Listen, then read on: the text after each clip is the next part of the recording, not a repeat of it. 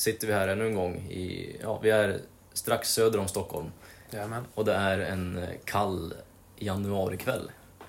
Alltid kallt i Sverige. Alltid kallt i Sverige, säger han som nyss är hemkommen från Filippinerna. Så att, Mm. ja, där var det ju lite varmare kanske. Fantastiskt varmt. Ja. Men eh, det är bra att vara tillbaka också för vi har, vi har ju arbete att göra här i Sverige. Mm. Det finns saker att göra. Jag tänker så också. Det finns så mycket vi måste göra här, eh, här hemma. När det kommer till kristenheten och, och Bibeln. Vi måste göra Guds ord känt och eh, hjälpa till. Liksom, och vi vill ju förstå Guds ord, men vi vill också hjälpa andra att förstå Guds ord. Ja. Ehm, och eh, idag tänker vi faktiskt prata om King James-bibeln. För vi har ju nämnt tidigare avsnitt också att det är den bibeln vi läser och som vi tror på eh, till 100%. Och jag vet inte hur mycket du som, som du som lyssnare känner till de olika bibelversionerna men du kanske känner till att det finns många olika bibelöversättningar. Eh, och det här är ett ämne som vi har nördat ner oss i eh, en del. Eh, och idag tänker vi då prata om King James-bibeln och några av de saker varför vi eh, har valt att tro att det är Guds perfekt bevarade och inspirerade ord. Eh, och det är inte heller så att Eh, vi har trott det här i hela våra liv eller våra kristna liv utan ja, jag kan ju bara tala för mig själv då men jag har ju i alla fall inte börjat med att läsa King James-bibeln utan det har kommit först nu på senare år när jag har blivit överbevisad dels av att göra egna studier men också lyssnat på folk som har gjort djupa studier i det här ämnet, seriösa studier och sen fört fram dem. Och jag har lyssnat med ett öppet hjärta och eh, kommit till insikt om att nej, men det finns faktiskt skillnader mellan olika biblar, eh, olika bibelversioner och översättningar. Och eh, det är ju faktiskt så att bara en bibel kan ju vara eh, den ultimata sanningen. Mm. Det kan inte finnas flera sanningar. Om en viss bibel säger en viss sak och har ett ord och så säger King James-bibeln till exempel ett annat, en annan sak och använder andra ord, ja vilken ska man lita på? Först ska vi säga det här, att vi kan inte göra Gud rättvisa och hans ord rättvisa med bara det här avsnittet utan vi kommer bara liksom skrapa lite lätt på ytan eh, och vi kommer ta upp ett antal bibelpassager, ett antal verser där vi liksom har fastnat för lite extra. Eh, och så kommer vi prata lite löst eh, och allt eftersom eh, det här samtalet går så kommer vi säkert komma på en del saker. Men vi kan, vi kan inte gå in på djupet i det här ämnet och göra hela King James-bibeln rättvisa med bara det här. Utan vi, vi är två enkla män, eh, men vi, vi är två bibeltroende män som har, har en bibel. Eh, och det kan man komma långt med. Så är det. Bibeln är ju grunden för allt som vi tror och gör som kristna. Och utgångspunkten i allt. Så därför är det ju ett alldeles för djupt ämne för att ja, men, avhandla det på 20 minuter här. Precis som du säger. Men eh, vi vill i alla fall göra vårt bästa för att förklara, som du säger, varför vi tror. Och inte bara tror, utan är fullständigt övertygade om att King James-bibeln är sann. Och att det finns skillnader mellan eh, de olika översättningarna. Och att två svar kan ju inte vara rätt, utan det finns bara ett rätt svar. Det är som de säger, things that are different are not the same. Just det. Eh, om vi börjar... Om vi börjar i den här änden. Har Gud bevarat sitt ord? Eh, finns, finns det en komplett, perfekt bibel idag? Finns Guds ord precis så som han sa det? Bevarat för oss idag? Rasmus, finns det? Jag har ju blivit övertygad om det. Eh, och eh, Guds ord säger det själv också, att han ska bevara sitt ord. Och Mm. därför har jag valt att lita på det. Eh, tyvärr är det ju så att dagens kristna, de flesta tror inte på det här, utan de säger att det har gått förlorat någonstans längs med vägen. Och att det är bara i originalen, alltså i originalskrifterna och Mm. pergamenten som Guds eh, riktiga och sanna och eh, inspirerade ord finns. Och de originalen finns ju inte kvar idag. Så alltså tror de flesta kristna att nej, det finns ingen bok idag som är perfekt bevarad. Ska vi ta och motbevisa dem Mm. med en bibelvers. Innan vi börjar gå in på verserna tänkte jag bara... Vi, om jag frågar dig Gustav så här. Eh, tror du på att King James-bibeln, eller håller du fast vid King James-bibeln bara av liksom tradition och vana och att du har blivit lärd det här? Eller vad, om, om du bara tar din resa lite kort, om hur du kom fram till den här slutsatsen. Mm. Jag, innan jag var frälst och när jag ville bli, ville bli kristen så att säga, då särskilde jag inte mellan översättningar speciellt. I synnerhet eftersom jag läste svenska översättningar. Mm. Och det finns ingen King James motsvarighet på svenska. Och det är kanske en helt egen, ja, Mm. jättelång utläggning. Ja. Men jag läste Bibeln på svenska. Eh, när jag blev frälst, då var det från en man som predikar evangeliet från King James Bibeln. En baptistpastor, independent baptist, ja, hela den biten. Så e-, egentligen ända sedan jag blev frälst så har jag varit övertygad om att King James Bibeln är sann. Jag har aldrig tvekat på det, jag har aldrig tvivlat på det. Jag har aldrig känt något behov av att gå till en modern översättning, någon av de här nya korrupta översättningarna som började komma ut på 1800 och 1900-talet. Jag har aldrig känt något behov av att gå till någon av dem. Men absolut, under en tid var det så att det- var av hävd och av tradition som jag hade den inställningen. Ja, men King James-bibeln är sann för att, jo men, när pastorn sa det. Jag gillar språket. Eh, men de senare åren så har jag ju själv också tittat mer på frågan. Och jag har blivit övertygad om att... Man kan säga så här, idag kan jag förs- själv försvara King James Bibeln. Mm. Jag behöver inte peka på en pastor och säga ja men han sa så, utan jag kan själv försvara varför jag är helt övertygad om att det här är Guds bevarade och inspirerade Mm. ord. Ja, och jag har väl en lite annan eh, resa. Vi har ju alla olika resor till frälsning och så vidare. Men eh, jag började förstås inte med att läsa King James-bibeln eftersom jag också är svensk och läser på svenska. Eh, min väg till frälsning började ju med egentligen att eh, jag tog upp en bibel och började läsa den. För att jag ville göra det. Jag hade aldrig läst bibeln förut. Och det var en 1917 års översättning på svenska. Eh, och när jag hade läst ut den bibeln då insåg jag att då hade jag kommit till tro helt enkelt att det här är eh, sant, att Jesus är Gud och så vidare. Jag kan ta min, min, eh, mitt vittnesbörd, hur jag kom till frälsning mer utförligt en annan gång. Men i alla fall, den första bibeln jag läste var 1917 års översättning. Och det har jag kommit till insikt om senare är en väldigt korrupt version faktiskt. En väldigt korrupt version. Även om många kristna i Sverige tror att ja, men det är ju den gamla översättningen. Liksom. Men nej, det, den kom 1917 som sagt. Men den läste jag och jag blev frälst på den. Så att eh, man kan bli frälst även med andra biblar. Eh, men sen skaffade jag mig folkbibeln, för det var det de flesta kristna läser i fri, inom frikyrkan i Sverige idag. Så jag skaffade en folkbibel och, och läste den i två år. Och tyckte det var en bra översättning. Liksom så. Eh, Men så lyssnade jag förstås mycket på undervisning och mer och mer på undervisning från USA, från Amerika.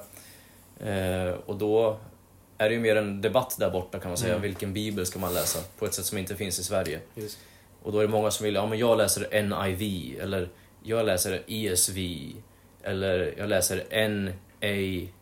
NASB, eller vad de heter. A solid Bible.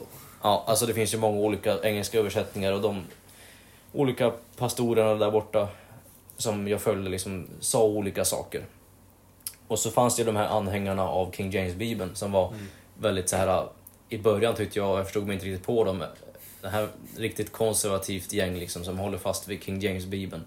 Eh, och eh, jag förstod inte mig på att man kunde säga att King James-bibeln är liksom den enda bibeln man egentligen ska läsa. Eh, vilket vissa hävdade. Så jag förstod mig inte på det och jag kom i kontakt med några sådana videor på Youtube och, och försökte lyssna på dem. Jag, jag, tog mig inte, jag tog inte det till mig.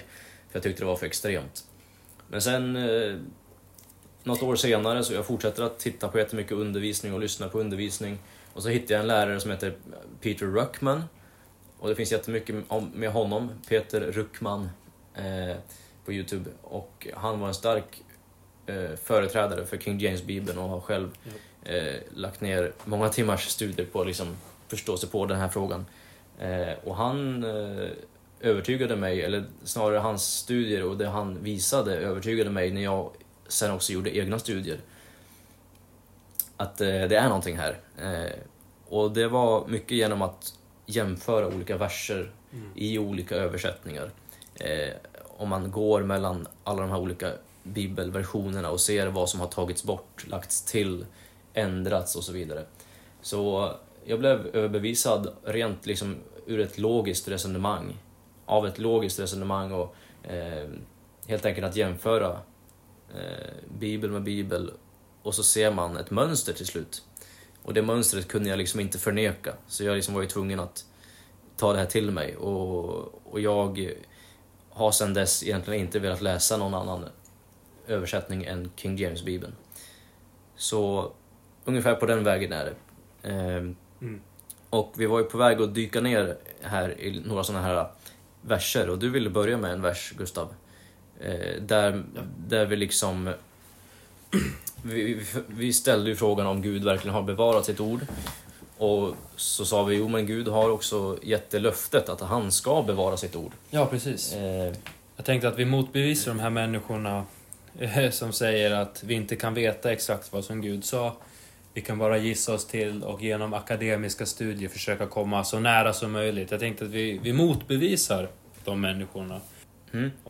Och då vill jag bara passa på att säga att till dig som lyssnar, jag uppmanar att du har med dig en egen bibel så du Ja. får följa med och läsa samtidigt.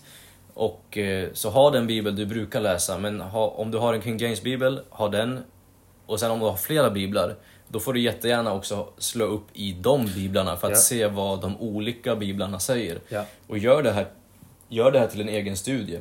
Och, och sluta inte där vi slutar utan fortsätt att gräva Mm. i det här. För det är otroligt vad det här kan öppna ögonen för, för Guds ord när man gör sådana här saker.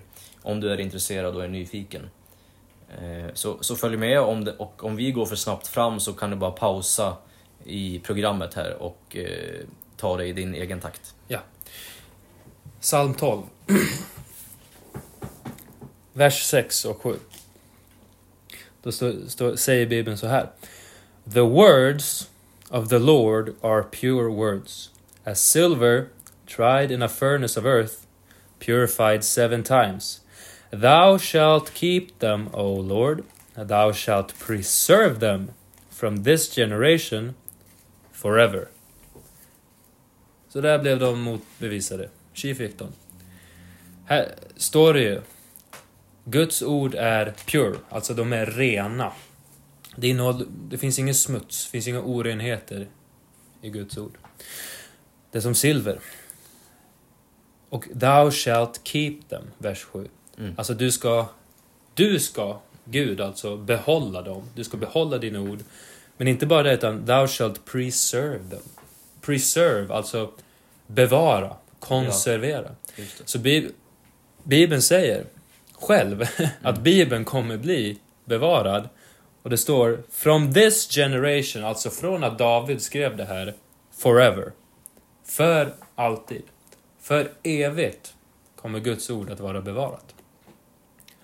Så här, här är ju bevis på att jo, Guds ord är visst bevarat.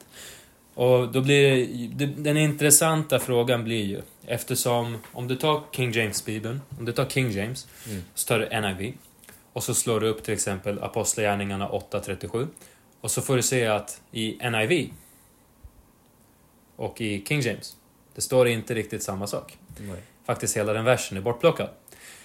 Och det gäller även folkbibeln kan vi säga. Ja, folkbibeln och... Att hela Apostlagärningarna 8.37 är borttagen. Precis. Kolla i, din, kolla i din bibel där om du har vers 37. Det, det var en av de verserna som fick mig att bara haja till. Vänta Precis. nu, det är något, den saknas helt och hållet. Och om det är så att Gud har bevarat sitt ord och de här två biblarna säger olika saker, då måste man bestämma sig för vilken bibel är Guds bevarade ord. Ja, för det är bara en som kan vara rätt. Precis. Eftersom vi i alla fall tror inte att vi lever i en relativistisk värld.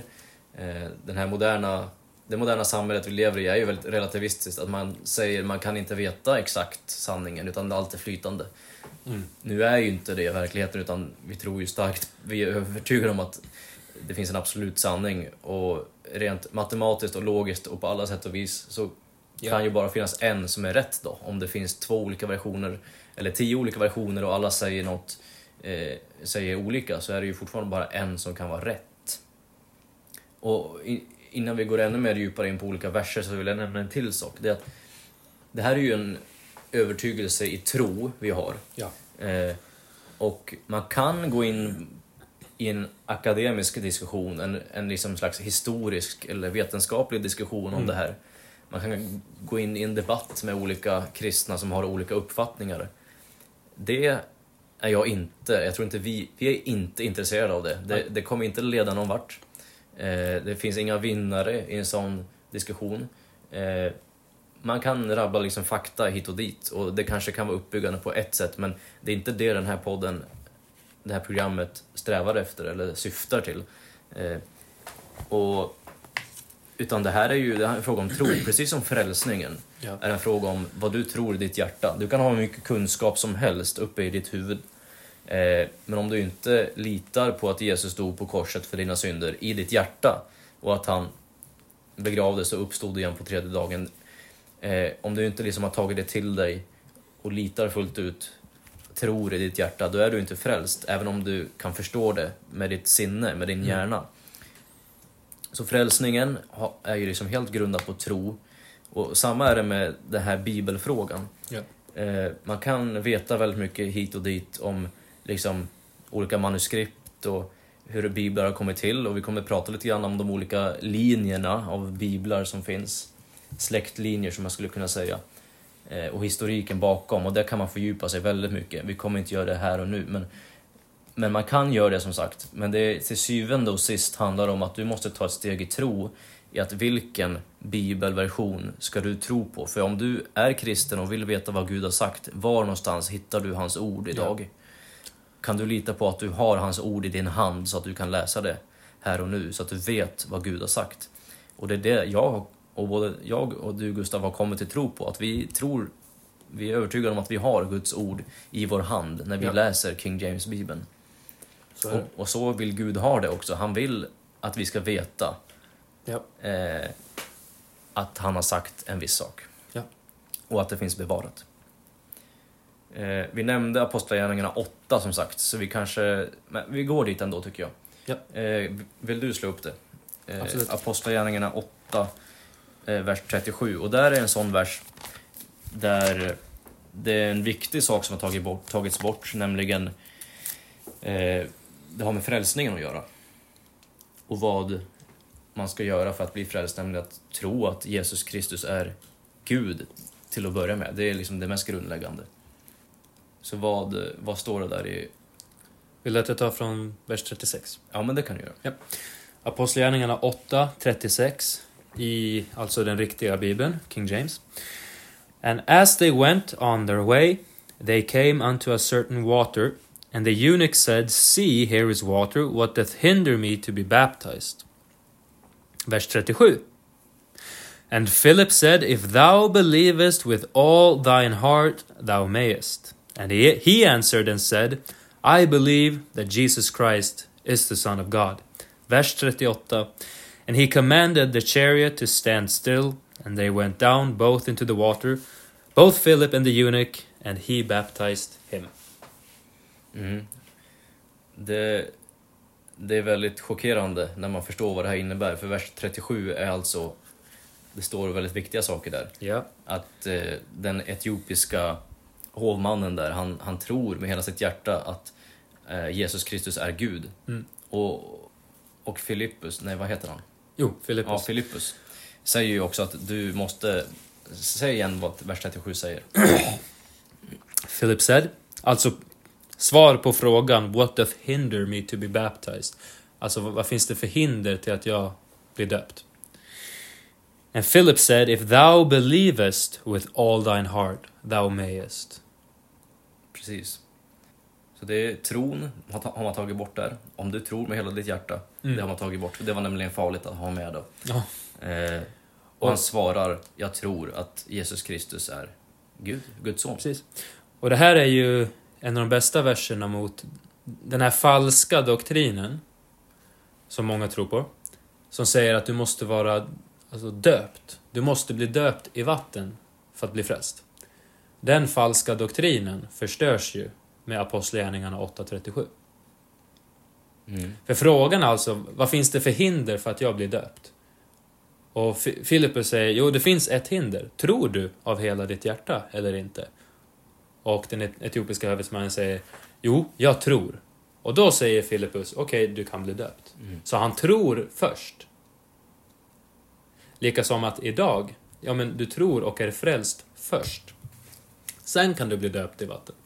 Men det finns en falsk doktrin som säger att vattendopet frälser, vilket det absolut inte gör. Du kan inte komma till himlen för att du tar ett bad. Nej, och sen där finns det också en dispensationell uppdelning som är viktig att förstå. Och vi Ja. kommer inte gå in på det här nu, men eh, man blev frälst på olika sätt genom olika tider i Bibeln. Och eh, under den här tiden så är det en övergångstid. Apostlagärningarna är en övergångsbok som man brukar säga. Så det är viktigt att inte hämta allt för mycket doktrin ifrån Apostlagärningarna. Men under Jesu tid och lärjungarnas tid så predikar man faktiskt eh, ett evangelium där vattendop ingick i frälsningen. Du var tvungen att, Precis. att omvända dig och tro på Jesus Kristus som Guds son, som Messias och låta döpa dig i vatten för att bli frälst. Så det var ett krav eh, då, Mm. det är inte det idag. Eh, och alla falska doktriner kan man faktiskt lära ut från Bibeln. De flesta är ju bibliska. Eh, men om du lär ut en doktrin som inte gäller för idag, för oss idag, då blir det en falsk doktrin. Så även om det stämde en gång i tiden och inte stämmer idag, då blir det ju fel. Så att eh, vattendopet har varit otroligt viktigt förr, eh, under Jesu tid till exempel, när evangeliet om riket predikades. Då var vattendopet en grej, det är inte det idag. Precis, mycket riktigt. Mycket riktigt. Så det var en liten parentes om det. Eh, Jag tänkte, vi höll ju på att prata om att Gud har bevarat sitt ord. Vi läste ur psalm 12. Mm. Jag vill läsa ur Uppenbarelseboken, eh, kapitel 22. Så det här är alltså sista kapitlet i Uppenbarelseboken. Det är det sista kapitlet i hela Bibeln. Eh, vers 18 och 19. Där står det om att lägga till ord eller dra bort ord och så vidare. Och jag läser från vers 18. For I testify unto every man that heareth the words of the prophecy of this book. If any man shall add unto these things, God shall add unto him the plagues that are written in this book. And if any man shall take away the words of the book of this prophecy, God shall take away his part out of the book of life, and out of the, the holy city, and from the things which are written in this book. Så det är Wow. hårda ord där och en rejäl varning mot att dels lägga till ord och dels att ta bort ord Mm. i boken. Och när vi gör de här jämförelserna mellan olika bibelversioner så ser man ju tydligt att ord har tagits bort Ja. och lagts till, ibland hela verser har tagits bort. Men ord har lagts till och tagits bort. Eh, och vilken bibel ska man då tro på? Eh, för alla kan inte vara rätt som sagt, utan någon är det ju som stämmer, någon är det som inte stämmer. Eh, och det är allvarligt att mixtra med Guds ord. Det är allvarligt att försöka skriva om det själv. Ja, det låter ju som att de som tar bort från ordet eh, inte är frälsta och inte ens kan bli frälsta. Så låter det som för mig när jag hör den där versen. Gud kommer ta bort deras del ur Livets bok. De som alltså satte sig ner en gång i tiden och valde att ta bort verser ur Guds heliga ord. Mm, det finns, det finns eh, straff helt enkelt för att göra sånt. Ja. Eh, och eh, du kan bli fråntagen belöningar. Om det är så att en frälst person idag skulle hålla på och mixtra med Guds ord och göra sådana här saker. Då kan inte den förlora frälsningen eftersom vi tror på evig säkerhet. För den här dispensationen vi lever idag kan du inte förlora frälsningen. Men du kan förlora andra saker. Du kan förlora till exempel belöningar i himlen Mm. sen vid Kristi domstol. Ja. Eh, och du kan, förlora, du kan förlora livet i det här Mm. livet. Gud kan hämta hem dig för tidigt om du missköter dig och så vidare. Det finns saker du kan förlora. Men inte frälsningen, inte i den här tidsåldern i alla fall. Nej. Men du kommer kunna förlora frälsningen i nästa tidsålder som är under vedermödan. Ja. Eh, och det är ju där, det är ju den dispensationen som gäller i Uppenbarelseboken som vi precis läste ur. Eh, Precis. Och jag tror ju inte, alltså... De här som... Översättarna av NIV, ESV, Ja. NESB. Det är de som avses här. Inte de som alltså, sitter och läser eller Nej. nå- någon hobbyöversättare hemma någonstans. Jag, jag avgör inte vem som är och inte är frälst. Men de som började pervertera Guds ord och de som släppte lös den här flodvågen av falska översättningar. Ja. Eh, det kan jag säga, de var inte kristna, de var inte troende, utan de, Mm. de hade en helt annan agenda. Ja. Vetandes eller ovetandes så gjorde de ju djävulens agenda. Vem är det som ifrågasätter Guds ord? Precis. Det är, Försöker få oss Satan. att ifrågasätta Guds ord. det är faktiskt Satans första lögn i Bibeln där, när han säger till Eva Yea, hath God said. Mm. Har Gud sagt det här? Han ifrågasätter Precis. Guds ord. Det är djävulens verk från början till slut. Ja. Och det är ju det de här, alltså de här moderna översättningarna och den mentaliteten som ligger bakom de moderna översättningarna. Det är en Yea hath God said mentalitet. Alltså, Ja. har Gud verkligen sa- sagt det här? Man vill så tvivel. Så tvivel angående Guds ord. Mm. Så det, det, det är liksom en mentalitet om att ah, vi kan inte riktigt lita på, på Bibeln. Mm. Det är den mentaliteten som eh, gjorde att det kom en massa nya översättningar. Och som även många så kallade kristna lider av idag, den här mentaliteten. Att de litar inte på Guds ord. Just det. Som jag sa tidigare, det, det, det, det krävs ju ett mått av tro. Mm. Givet, Bibeln är inte en bok som vilken som helst, utan Nej. det krävs ett mått av tro för att kunna ta emot den. Absolut. Bibeln, King James-bibeln, är en övernaturlig bok helt enkelt. Alltså det är, det är så. Det är en levande bok, det är ett levande ord. Ja. Och eh, det är klart att djävulen vill motsätta sig det till varje pris. Ja. Här har vi vad Gud har sagt. Eh, vi kan, och, och vilken bibel man än tror på, om du tror att någon annan bibel är Guds perfekt bevarade ord, ja, eh, då får du tro det. Men en sak ska du vara klar över, det är att den bibel som är Guds perfekt bevarade ord, du kan eh, ge dig sjutton på att Satan kommer, kommer motsätta sig det och kommer vilja Ja. förstöra det, kommer vilja eh, göra allt han kan för att skapa för, förvirring och splittring. Så är det. Eh, och jag vill också nämna det där när vi pratar om översättare. Jag, jag är faktiskt övertygad om att många som har varit med och översatt olika bibelversioner och jobbat med det här absolut kan vara frälsta kristna och säkert välmenande och trevliga människor på alla sätt och vis. Men de är missledda Mm.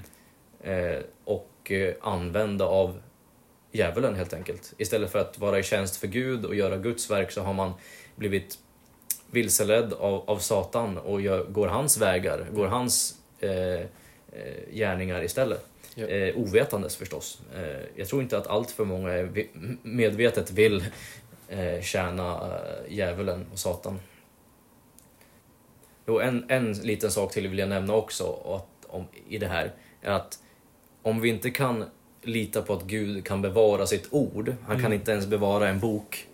Hur ska vi då kunna lita på att han kan bevara vår frälsning, Wow. som är så mycket viktigare? Eh, frälsningsverket som, som han har gjort för oss. Eh, vi tror ju på evig säkerhet och att han kan bevara oss. Eh, hur ska vi kunna tro på det om man inte ens kan bevara en, liksom en, en bok? Ja. Det, det är en viktig fråga också att ta upp i det här tycker jag. Ja. Bra argument. Ska vi göra några små djup, eller inte djupdykningar, små, små dyk? Och där man har tagit bort lite ord eller ändrat. Jag tänkte på ett ställe bara helt eh, från ingenstans. Vi kan ta Lukas kapitel 2. Ja. För så här är det, ofta där, eh, där man har ändrat och tagit bort så är det viktiga saker. Det är inte bara att man har tagit bort ett och eller Mm. eh, något så här litet ord som inte betyder så mycket. Men, utan Satan attackerar liksom de här viktiga orden som namnet på vår frälsare Jesus och man tar Ja. bort eh, att han är Gud, liksom, hans gudomlighet eh, och gudom eh, försöker, man, försöker man ta bort i de här nya biblarna.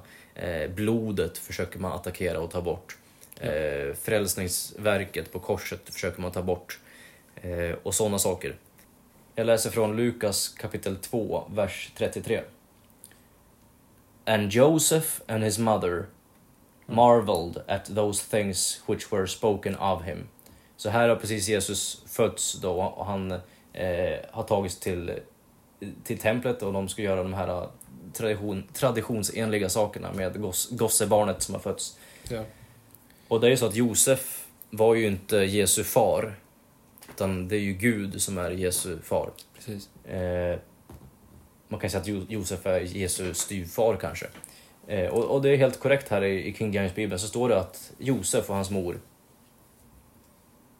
Men i de nya biblarna så står det hans far och hans mor. Jag vet inte om du ser det olika i någon... Ja, jag skulle kunna läsa till exempel från New International Version, NIV, eller Non-Inspired Version, som jag brukar säga.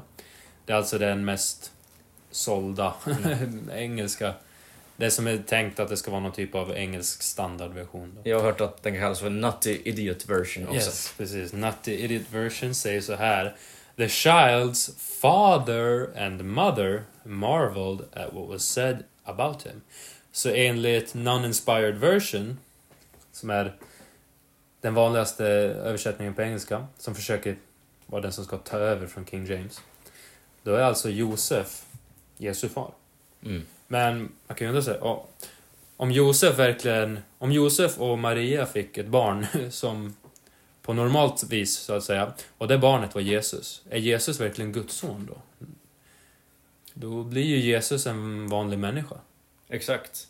Så det här är versen, när man har ändrat här så tar man direkt bort eh, från Jesus Mm. hans gudom. Ja. Eh, och alltså den här, bara sån liten sak kan folk tycka, "Ja, men det var då det här betyder väl ingenting. Men dels så är det många bäckar små, eh, så det är många verser, det är inte liksom bara här man har ändrat saker. Mm. Eh, men också att, jo, bara en vers, det räcker med att du ändrar en vers och ett ord från Guds perfekta ord så har du korrumperat det och Ja. perverterat det. Och det här är, det är en allvarlig sak att liksom påstå att Jesus bara är en människa. Ja. Det är väldigt allvarligt. Och Jesus sa ju så här att man does not live by bread alone, but by every word that proceedeth out of the mouth of God. Så every word, alltså vartenda ord som kommer ut ur Guds mun, ska människan leva utav. Så det finns inget... Ja, det är bara ett ord. Ja, det, var inget, det finns inget oviktigt ord i Bibeln. Det finns inget ord, det finns ingen preposition, det finns inte en punkt i Bibeln som är där i onödan. Utan vartenda ord ute i Guds mun är, är viktigt. Och just den versen du citerade nu, den har man ändrat i nyare biblar. Man har sagt, det står inte att alla ord som eh, kommer ut ur Guds mun, Ja, det har man tagit bort. det ser. Eh, Ja, det kanske är lite sidospår, men må, många av de här verserna som just handlar om hur Gud bevarar sitt ord. Till exempel psalm 12.7 som vi läste tidigare. Just de verserna är ju förändrade i de moderna översättningarna. Vilket är så, det är så uppenbart vad agendan är. Kan du ta fram den versen där Jesus säger så? Ehm, vad står det i den riktiga? And Jesus answered him saying, It is written that every man, nej, that man shall not live by bread alone, but by every word of God. Mm. Ska titta Lukas. Här har de tagit bort every word. Här står det i non-inspired version, man shall not live on bread alone, punkt. Just det. Så i Lukas kapitel 4, vers 4 har man tagit bort vad Jesus säger att Man shall not live by bread alone. Och så har man tagit bort But by every word of God. Alltså en direkt attack på Guds ord i den här versen. Alltså bokstavligt talat, Guds ord. När Jesus talar om Guds ord så har man tagit bort det. Mm. Ja, det är skrämmande tycker jag. Ja. Men också, väldigt talande också. Väldigt talande exempel. Mm. Djävulen vet vad han gör Ja. när han attackerar de här viktiga verserna. Doktrinen. För det är faktiskt så, alltså, i de här moderna översättningarna att majoriteten av texten är ju intakt. Mm. Men det är just de här absolut viktigaste ställena, ofta, som är bortplockade eller förändrade. Mm. Men jag menar, om du har ett glas med rent vatten och så häver du i en droppe med toalettvatten. då är det inte rent vatten längre. Nej. Det är smutsigt vatten. Ja, och jag tänker också på ett annat ställe där Jesus säger att inte ett ord, inte ens en prick ur lagen ska förgå. Ja. Himmel och jord ska förgå, men mitt ord skall evigt bestå. Mm. Så det, det här är liksom ett genomgående tema att nej, men Guds ord ska bestå. Inte ett ord ska liksom förgås. Och om så är fallet, och vi tror ju att Gud kan inte ljuga. Ja. Gud talar ju sanning. Han kan inte ljuga. Han ljuger inte. Eh, och om vi då tror på det, då måste ju ordet finnas bevarat någonstans. För Gud vill ju att vi ska veta om vad han har sagt. Han vill att vi ska kunna ha hans ord och läsa det. Mm. Så var finns det ordet i frågan? Var, vilken bok? Jag vill ha tag i den boken, om den finns någonstans. Precis. Eh, ja, så är det. Ett annat vers vi kan dyka ner i nu är Lukas 23. Där är det om rövarna på korset som hänger bredvid Jesus. Det är ju en botfärdig eh, rövare, eller tjuv, som blir frälst där i sista sekund när han hänger på korset där också har blivit, han har blivit dömd till döden. Mm. I Lukas 23, vers 42. Och i King James Bibeln står det så här. And he said unto Jesus, Lord, Mm. remember me when thou comest into thy kingdom. Och så vers 43. And Jesus said unto him, Verily I say unto thee, today shalt thou be with me in paradise. Och det viktiga där, det är alltså i vers 42, där han säger till Jesus, Jesus, Herre, eller Gud. Det är Lord med stort L där, alltså Ja. Gud, Gud betyder det. Eh, man har tagit bort Gud där helt enkelt i de flesta versioner som jag Ja. känner till. Ja, läser man till exempel från English Standard Version, som också... Det, ja, den sägs ju vara eh, mer ordagrant översatt än till exempel King James. Problemet är bara det, det är ordagrant översatt från fel grundtext. Mm. Eh, I English Standard Version står det så här. And he said, Jesus, remember we, me when you come into your kingdom. Så vad är det för ord som fattas? Jo, det är Lord. Så enligt ISV, den som kallade engelska standardversionen, så är Jesus inte längre Herre. Utan han är bara, bara Jesus. Ja, och versen handlar ju om att han, tjuven på korset, blir ju frälst. Mm. Och vad måste du göra för att bli frälst? Jo, en grundläggande sak är ju att du måste tro att Jesus är Gud, att han är Herre. Här har man tagit bort Gud. Eh, Det, det står bara Jesus där i de här nya biblarna. Och Jesus är bara ett förnamn om vi ska vara helt ärliga. Du, du blir inte frälst av att bara säga Jesus. Eller jag tror på Jesus. Jaha, vilken Jesus då? Det finns många Jesus där ute. Det finns ganska många i Mexiko till exempel som heter Jesus. Ja, nej, det, det är Herren Jesus Kristus. Gud. Mm. Ja. Guds son. Gud i köttet. Det är han som är vår räddare. Du, en annan ställe som vi går vidare raskt här, men ett ställe som jag fick upp ögonen för det här, det var, och där det är väldigt uppenbart att man tagit bort hela verser. Det är i Markus kapitel 9. Och där citerar Jesus eh, Gamla Testamentet. Han citerar från Jesaja 66. Och då är det i, Lu- eh, i Markus eh, kapitel 9 som sagt. Och eh, där tror jag man har tagit bort i alla fall två verser. När vi kommer till vers 44. Och här pratar, vi, här pratar Jesus om helvetet och om evigt lidande och evig eld som inte ska slockna och så vidare. Så till exempel vers, om jag läser från vers 43. And if thy hand offend thee, cut it off. It is better for thee to enter into life maimed than having two hands to go into hell, into the fire that never shall be quenched, where their worm dieth not, and the fire is not quenched. Så det var vers 44. Och sen om vi hoppar ner till vers 46 så står det också Where their worm dieth not and the fire is not quenched. Och sen vers 48 står det också Where their worm dieth not and the fire is not quenched. Mm. Så den här versen där Jesus citerar alltså, där deras mask inte dör och elden inte. Går ut eller slocknar. Ja. Det har man tagit bort helt och hållet. Visst är det i alla fall två verser som är borta där? Ja, det, det är lite komiskt nästan. För jag, sitter ju här och söker den här lilla bibelappen där man har de olika översättningarna. När man skriver Markus 9.44 då kommer ju inte upp något resultat. Vad man Just får det. göra, man får ju söka på 43 och läsa därifrån. Och det, det är intressant i till exempel New American Standard Bible, NASB, som egentligen borde stå för Not a Solid Bible Mm. because it's not. Det är som ett lapptäcke. Då är verserna, jag kanske behöver läsa dem, men verserna 42 och 43. Sen helt plötsligt kommer vers 45. Just det. Så vers 44 finns inte. Utan det är 43, blank, 45. Sen så har du 47. Så 46 är också bortplockad. Sen i och för sig 48 är kvar. Men som du säger, två av, Mm. Två av verserna Ja. bortplockade. Så hur var det nu med every word? Ja, här var det Ja. några ord som försvann.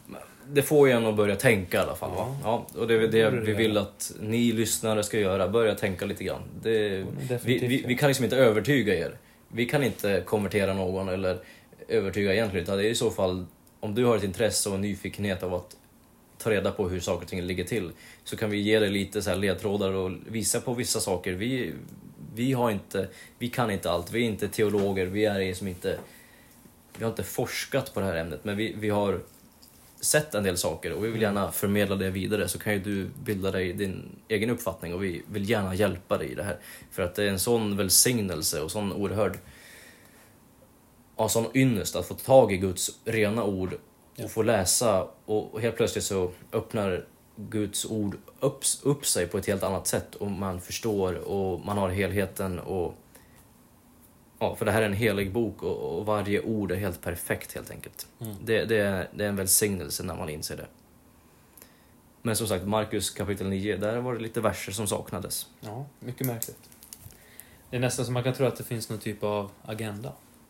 Ja, och här, det är en, en ganska viktigt ämne. Det här handlar om helvetet. Ja. Eh, och den eviga, det eviga lidandet och en eld som inte slocknar. Det, det är ju liksom en ganska viktig doktrin, det är en viktig lära att ha med ja.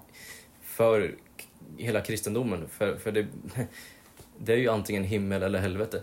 Så en bibel som vill ta bort helvetet, det är ju en ganska stor attack, attack på Guds ord. Tror du Rasmus att det är en slump att eh, många i den här tiden, så kallat kristna, eh, inte ens tror att det finns ett bokstavligt brinnande helvete? Eller kan det finnas ett samband mellan de korrupta nya versionerna som tar bort många gånger ordet helvete och byter ut det mot till exempel dödsriket? Och tar bort hela verser som talar om helvetet. Kan det finnas ett samband mellan det och att män, människor inte verkar tro på helvetet längre? Den frågan får lyssnaren svara på tycker jag. Men det är intressant för till exempel eh, folkbibeln som jag läste. Ja. Där tar man ju bort helvetet, alltså ordet helvete på Ja. många ställen och skriver Hades Mm. istället. Vad betyder det liksom? För Eh, den olärde? Eller om det är nu-bibeln jag tänker på nu kanske. Ja, hur som helst. Eh, det finns moderna svenska versioner som tar bort ordet helvete och sätter dit Hades istället. Och det, är liksom, det har folk ingen riktig uppfattning om vad Hades är för någonting. Men helvetet vet alla människor vad det är för någonting. Precis. Mm. En annan sak som tas bort ofta är ju blodet. Blodet är ju oerhört viktigt för eh, hela frälsningsgärningen som Jesus gjorde. För det var genom hans blod som vi blir frälsta. Ja. Det är hans blod som han spillde på korset, som han utgöt på korset, som köper oss fria från vår synd. Eh, och eh, täcker över och tar bort all vår synd. Ett utav de ställena där man tar bort blodet, det är i Kolosserbrevet kapitel 1. Och eh, kapitel 1, jag kan läsa vers 13 och 14 där. Who hath delivered us from the power of darkness and hath translated us into the kingdom of his dear Son, in whom we have redemption through his blood, Mm. even the forgiveness of sins. Och då läser jag här från Non-Inspired Version, alltså den oinspirerade engelska versionen. In whom we have redemption, the forgiveness of sins. Man har tagit bort through his blood. Man har tagit bort genom hans blod. Vilket är jätteviktigt. Ja, om jag frågar dig Rasmus, kan vi bli frälst utan blodet? Det, det är en av de nödvändiga sakerna som måste finnas där för att vi ska kunna bli frälsta. Det är tron på att det just är blodet som, som köper oss fria, som är Ja. eh, det som gör själva försoningsverket. Hebreerbrevet 9 säger att utan blodsutgjutelse kan synd inte förlåtas. Blod, blod är jätteviktigt. Blod är ett genomgående tema i hela Bibeln. Om du, om du har läst Gamla Testamentet någon gång och lagen, hur mycket liksom djur som man var tvungen att offra för att täcka över synd.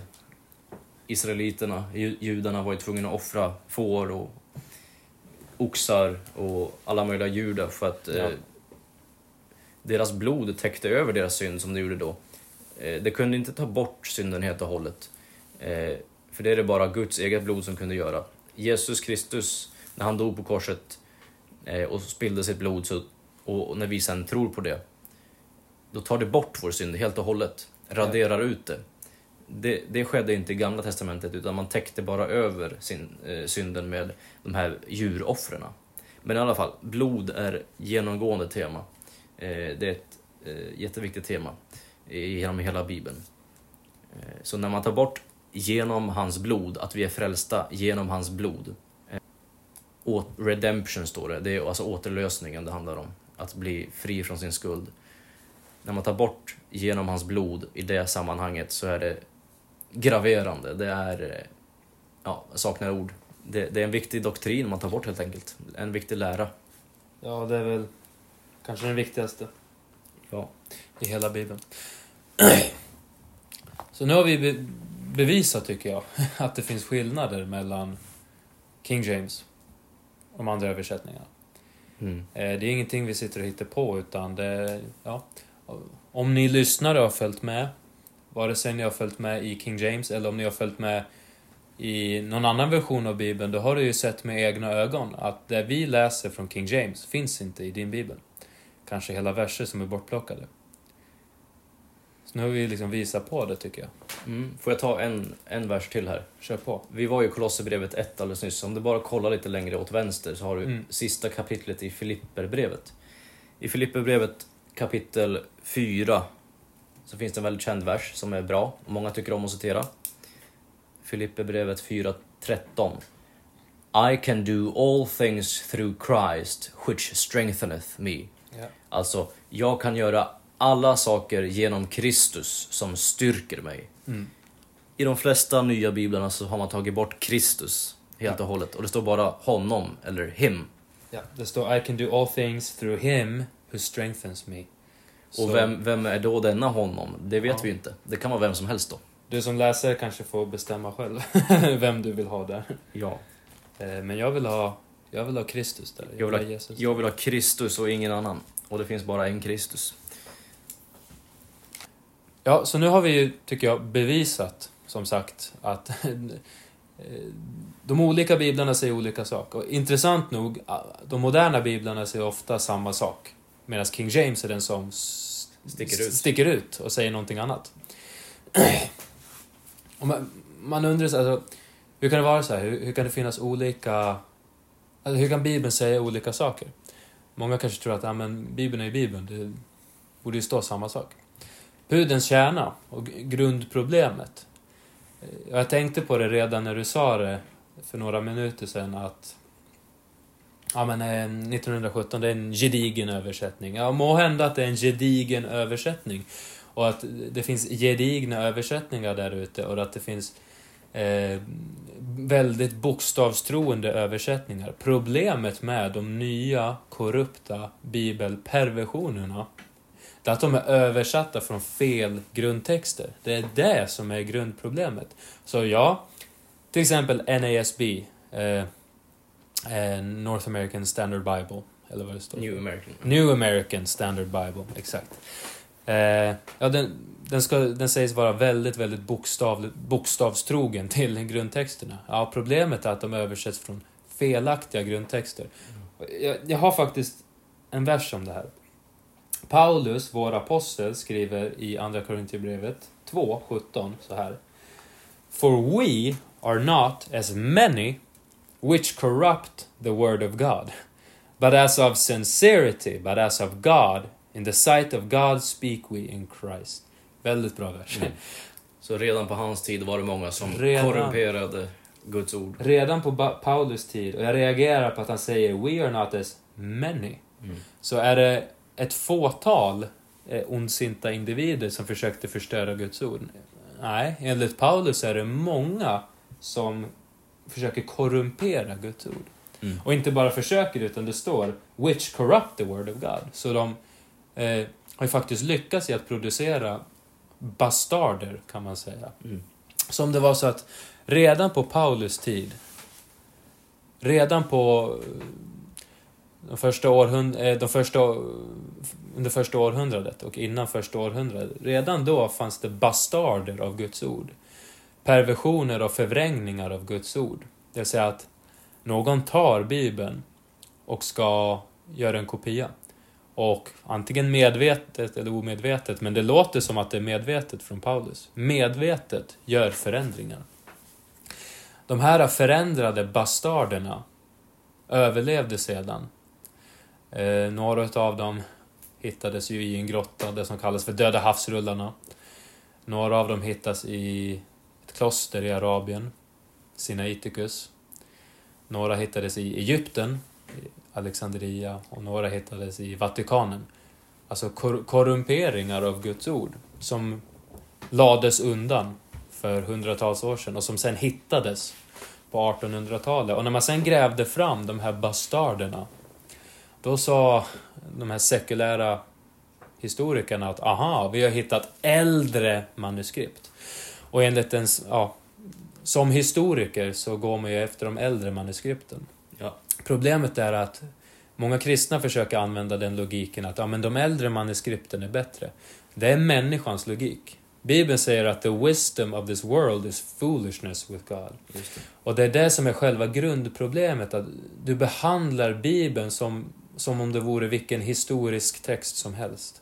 Som att det inte vore Guds utandade ord, utan att det är bara ett historiskt manuskript. Och att du behandlar det med den, den ovördnad. Och det är när, utifrån att folk tvivlade på Guds ord, så anammade de här äh, människorna de nya versionerna som påstod sig vara bättre. Men kan de här versionerna verkligen vara bättre? När de tar bort blodet, de tar bort Lord, Jesus får inte vara herre längre i sin egen bo- Mm. bok. De tar bort hela verser. Ja. De ändrar Jesu fader från Gud fader till Josef. Ka- Kan det verkligen vara bättre versioner av Guds ord? Kan man göra perfektion bättre? Om Bibeln är perfekt och bevarad, varför finns det då människor som tycker att vi ska uppgradera den? Hur kan man uppgradera något som redan är perfekt? Jo, det, det, och det är just det som är grundproblemet. Att ni tror inte på Guds ord. Ni tror inte att Gud har bevarat sitt ord. Ni tvivlar. Precis som ormen i lustgården säger ni, ja, har, har Gud verkligen sagt? Är Bibeln, Bibeln verkligen sann? Är det verkligen så här Bibeln ska säga? Eller ska den egentligen säga någonting annat? Vi tror på Bibeln, vi tror att Gud bevarade sitt ord. Och det är det som egentligen är grundproblemet. Eh, mm.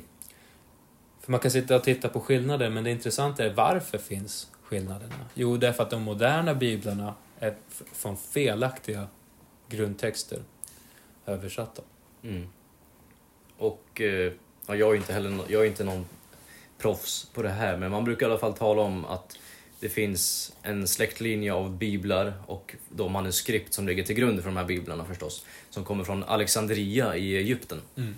Eh, och eh, sen har du de manuskript som ligger till grund för King James-bibeln. Och nu talar jag om Nya Testamentet, för det är Textus Receptus bland annat. Eh, som kommer från eh, en släktlinje som eh, spåras tillbaka till Antiochia i Syrien. Så att eh, vi har olika släktlinjer av, alltså vi har parallellt så sker ju en utveckling av de här texterna. Mm. Och de lever vidare i historien och blir till de olika biblarna som vi har idag. Och King James-bibeln kommer från en ren släktlinje. Eh, Vi läste tidigare i psalm 12 där hur Gud ska rena sitt ord sju gånger om, står det. Mm. alltså löst eh, citerat nu, men sju gånger ska det renas eh, som i en degel som man smälter silver i. Och det är faktiskt intressant, det här kan man gräva ner sig i och prata mer om, vi ska- ska inte gå djupt på det här nu, men när man studerar historien om King James-bibeln så finns det sju stycken eh, språk, sju stycken översättningar innan, eller King James-bibeln är den sjunde just. Ja. Eh, Som, det finns sex stycken tidigare som leder upp till King James-bibeln. Eh, där bland annat Lutherbibeln i Tyskland är ett steg. Eh, och dessutom så finns det sju stycken engelska översättningar. Eh, alltså sex stycken biblar på engelska som var liksom eh, ordentliga bibelöversättningar som användes, eh, som ledde upp till, eh, som ledde fram till den sjunde då, som blev King James-bibeln. Ja. Så det här är talet sju och hur det ska gå igenom en reningsprocess Mm. eh, tills liksom det ska nå den absolut perfekta versionen. Eh, den perfekta bibeln. Eh, som då blev King James-bibeln som kom ut 1611. Ja. Ehm, och eh, ja, så det är en intressant historia faktiskt. Och det finns mycket att, att läsa om där. Eh, det är, intressant att, det är intressant att från 1611 och fram till ungefär, jag tror det var 1906, så kom det inga fler engelska biblar. Det är ett bevis på att människorna själva, de kristna människorna på 16, 17 och 1800-talet, de visste att perf- perfektion hade uppnåtts. För dessförinnan, bara under 1500-talet så tror jag att fem av de här bibelversionerna kom just det på bara hundra år. De verkligen pumpade ut nya biblar fram till 1611 då de alla satte sig ner och jag tror de tittade på varandra och de nickade och de sa ja, vi, vi är klara. Vi behöver inte längre jobba på bibeln, utan bibeln är färdig. Vi är färd, den är färdigöversatt. Mm. Från 1611 fram till att man började tvivla på bibeln under början av 1900-talet, slutet på 1800, så var det, det fanns inga andra versioner. Utan det fanns bara King James. Bevis på att folket själva insåg perfektionen. Mm. Och, och det är lite grann därför också jag inte tycker om att kalla King James-bibeln för King, King James version. Eh, många säger ju KJV eller Mm. KJV. Och för mig är inte King James-bibeln en version, utan den är bibeln. Alltså. K- KJB, KJB, Ja. King James Bible. Eh, och de andra biblarna är versioner, eller perversioner egentligen. Eh, och det kanske låter som hårda ord, men jag menar antingen så är det sant eller så är det inte. Det, det är liksom, vi, vi tänker lite svartvitt ibland, men det är Mm. för att få fram liksom vår... Få fram det vi vill ha sagt helt enkelt. Vi vill ju att folk ska förstå, eh, för det är viktiga saker. Ja. Vi tycker att det här är viktigt och därför eh, pratar vi om det. Ja, nej, vi skrädde inte orden. Jesus skrädde inte orden. Det är intressant också, jag vill nämna, just det här med Antiochia och Alexandria. Ja. Alexandria ligger i Egypten, eller hur? Ja. Antiochia. Bibeln säger att i Apostlagärningarna 11 och 26, i slutet på versen där står det så här And the disciples were called Chris- Christians first in Antioch. Så Antiochia, Antioch, det var alltså det stället där lärjungarna fick namnet kristna först. Ja. Dessförinnan var de kända som ja, någonting annat. Och vi idag använder ordet kristna väldigt mycket. Vi tycker om det ordet. Vi är, vi är kristna. Mm. Det är väl det vanligaste namnet på ja, men folk, som tror, folk som tror på Jesus, folk som Ja. är frälst. Kristna. Och det kom från Antiochia. Vad är Egypten en symbol av i Bibeln? Aldrig någonting bra egentligen. Egypten är ju en symbol av synd och Världen. världen. Världen. Den syndiga, ogudaktiga världen Mm. utifrån vilken vi har blivit ledda. Vi har blivit räddade från Egypten. Ja. Så jag tror inte heller att det är en slump. Nej. Utan jag tror att det, alltså att i Egypten, ingenting bra kommer från Egypten om, du, lä, i, i, om du läser från Bibeln. Så är det, det är genomgående. Ja. Så det är intressant att de här nya perversionerna som attackerar vår Herre, som attackerar vår Bibel, de kommer från Egypten. Ja. Medans King James, eller rättare sagt Textus Receptus, kom från Antiochia, vilket är, kan man kalla det kanske för kristendomens vagga. Ja, ett grund, ett fäste för kyrkan som växte fram Ja. i början. Så det är ingen slump det heller. Och eh, nu har vi suttit och pratat ett tag här och det finns oerhört mycket mer att säga. Det finns fler verser att titta på och man kan gå djupare in på varje detalj. Och vi kommer ju förmodligen prata mer om det här i andra avsnitt. Dels så kommer vi nämna det i förbigående, även när vi pratar om andra ämnen. Och sen kanske vi gör något annat avsnitt också som handlar mer bara om King James-bibeln och dess historia kanske. Mm. Eh, Men jag känner mig rätt nöjd för idag och jag hoppas att vi har gjort någon slags bra introduktion i alla fall till det här ämnet. Ja. Och eh, om du som lyssnar vill eh, höra av dig med frågor och, eller vad som helst så kontakta gärna oss. Vi vill gärna att... Eh, vi vet ju inte hur mycket det här sprids på, på nätet och så vidare. Men om du lyssnar och ja, men vill säga någonting, fråga någonting, ta kontakt med oss, eh, skriv på vår mail och så kommer vi att läsa det. Mm. Ja, men som sagt, då tackar vi så mycket för det här avsnittet och så hoppas att vi eh, hörs igen eh, nästa gång vi kommer ut med ett nytt avsnitt. Och jag tänker vi avslutar med en bibelvers och eh, vi tar den vers vi läste där i början, nämligen från psalm 12, där det står hur Gud ska bevara sitt ord. Och då är det alltså psalm 12, vers 6 och 7. The words of the Lord are pure words, as silver tried in a furnace of earth, purified seven times. Thou shalt keep them, O Lord, thou shalt preserve them from this generation forever. Amen kan vi säga på det kanske. Ja, det kan jag säga. Mm. Amen. Tack och godnatt.